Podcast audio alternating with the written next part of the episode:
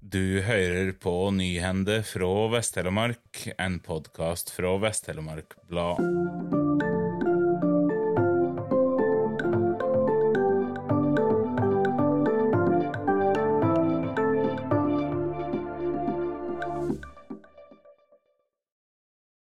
Fem personer var involvert i en møteulykke i Brunkeberg på E134 søndag. Fire av dem ble kjørt til sykehus. Per nå har vi ikke oversikt over skadegrad, men alle personer framstår oppgående, skrev politiet på X etter ulykka. De fire som var kjørt til sykehus, satt alle i samme bil. Føreren av den andre bilen, en mann i 30-åra, blir kjørt til legevakt for sjekk og blodprøver. Politiet mistenker ruspåvirkning. Politiet meldte om møteulykka mellom to personbiler kring halv fire søndag ettermiddag. E134 Brunkbergvegen var stengt etter ulykka, men åpna igjen etter et par timer. Tre hytter i Vrådal er totalskadd etter brannen søndagsmorgen. Ingen personer kom til skade. Brannvesenet meldte om hyttebrannen klokka 7.42 på morgenen. Det var da full overtenning i bygget. Det var folk på to av de tre hyttene da brannen starta. Alle kom seg ut. I tillegg til de tre hyttene som ble totalskadd, ble det også litt skader på ei hytte i naborekka. Politiet vet ikke hva som var årsaka til brannen. Det var en periode fare for at brannen skulle spre seg mer, men brannvesenet fikk kontroll på situasjonen. Brannen skjedde i hytter ved skisenteret i Vrådal. Økokrim har nå tatt ut tiltaler mot kona til eksadvokat og hotellinvestor Halstein Sjøli. Marianne Sjøli er tiltala for hvitvasking av minst 64 millioner kroner.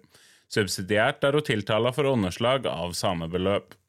Dette opplyste førsteadvokat Geir Kavli til Vest-Telemark Blad. Bakgrunnen for tiltalen er at hun gjennom mange år førte regnskapene for advokatfirmaet til Halstein Sjøli. Marianne Sjøli stiller seg uforstående til tiltala og vedgår ikke straffskyld for noen av forholdene, opplyser advokat Henrik Bliksrud til Vest-Telemark Blad. Han er den ene av to forsvarere som Marianne Sjøli har fått oppnevnt. Den andre er Tormod Tingstad. De arbeider begge i advokatfirmaet Elden i Oslo.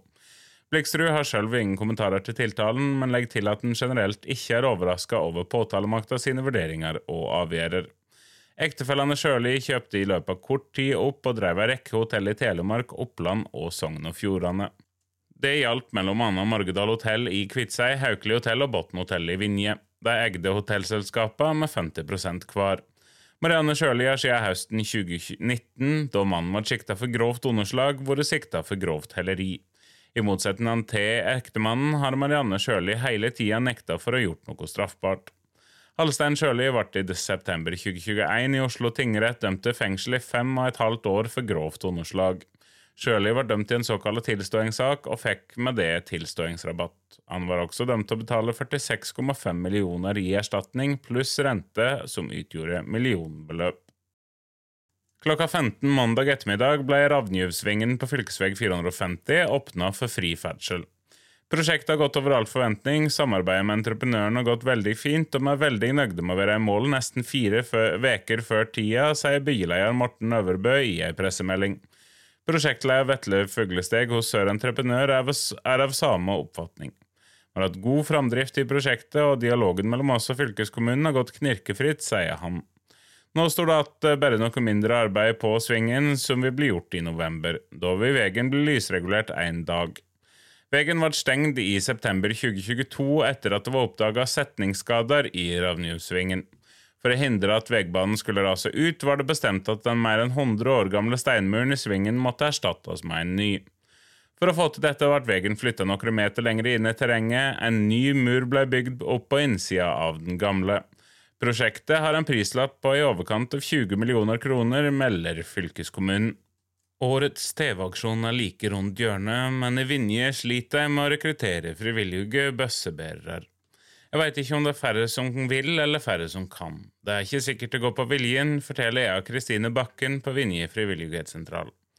Årets aksjon er den sjette Bakken er med å organisere, og temaet La barn leve i fred i regi av Redd Barna opplever hun som det viktigste til nå. Denne aksjonen er soleklart mest relevant og en skremmende aksjon. Det er barn i krig det gjelder. Når en ser på nyhetsbillettet, er det til å grine blod av hele greia, sier Bakken. Vinje ligger som regel høyt på statistikkene, og Bakken forteller at kommunen får inn om lag like mye i bøssene som på VIPS hvert år. Det har vært ei stabil kjerne av bøssebærere over tid, og når nå mange ikke kan, er det vanskelig å erstatte disse. Bakken har ei liste på Facebook der de ledige rodene er lista opp, og der hun sletter ei hver gang hun får en bøssebærer. Mandag morgen sto 26 roder ubemanna av til sammen 68. Det er ei ekstra utfordring for meg som ikke er vindbye og ikke veit hvem som bor i hver krik og krok. Det er ikke så lett å vite hvem jeg kan ringe da. Det mangler folk i hele kommunen, og mange roder dekker lange strekninger. Til dømes har vi fiskestigen opp til Straumekrysset, som er ei rode. Her er det store avstander mellom hvert hus, sier Bakken. Men hun understreker at det også er roder der en kan gjøre til fots. Nedre Drottning i Åmot er til dømes ei kort, grei rode der en ikke trenger lappen, forteller hun. Trass i utfordringene med å skaffe bøssebærere, er situasjonen langt fra svart i Vinje. Bakken er veldig glad for at politikerne i år har løyvd 100 000 kroner til TV-aksjonen. Tidligere i år har summen ligget på mellom 20 000 og 30 000 kroner, så her viser politikerne at de ser hvor viktig temaet er, sier Bakken. Og så er det skolene som gjør en vanvittig innsats. De trekker inn om lag halvdelen av den innsamla summen i kommunen, og får nesten inn 1000 kroner per elev. De gjør en hel hinsides innsats, kirker Bakken. Det er ikke bare Vinje som strever med å skaffe bøssebærere, også i Seljord mangler de mandag om lag en fjerdedel av bøssebærerne. Mange er jo veldig positive, det er bare at de må finne fram til deg, sier Rikke Kristine Roseng, som leier Seljord frivillighetssentral. Tusen takk for at du hørte på. Denne sendinga var produsert og presentert av Aslak Ringhus for Vest-Telemark Blad, og musikken er laga av Symre Taugbølbang.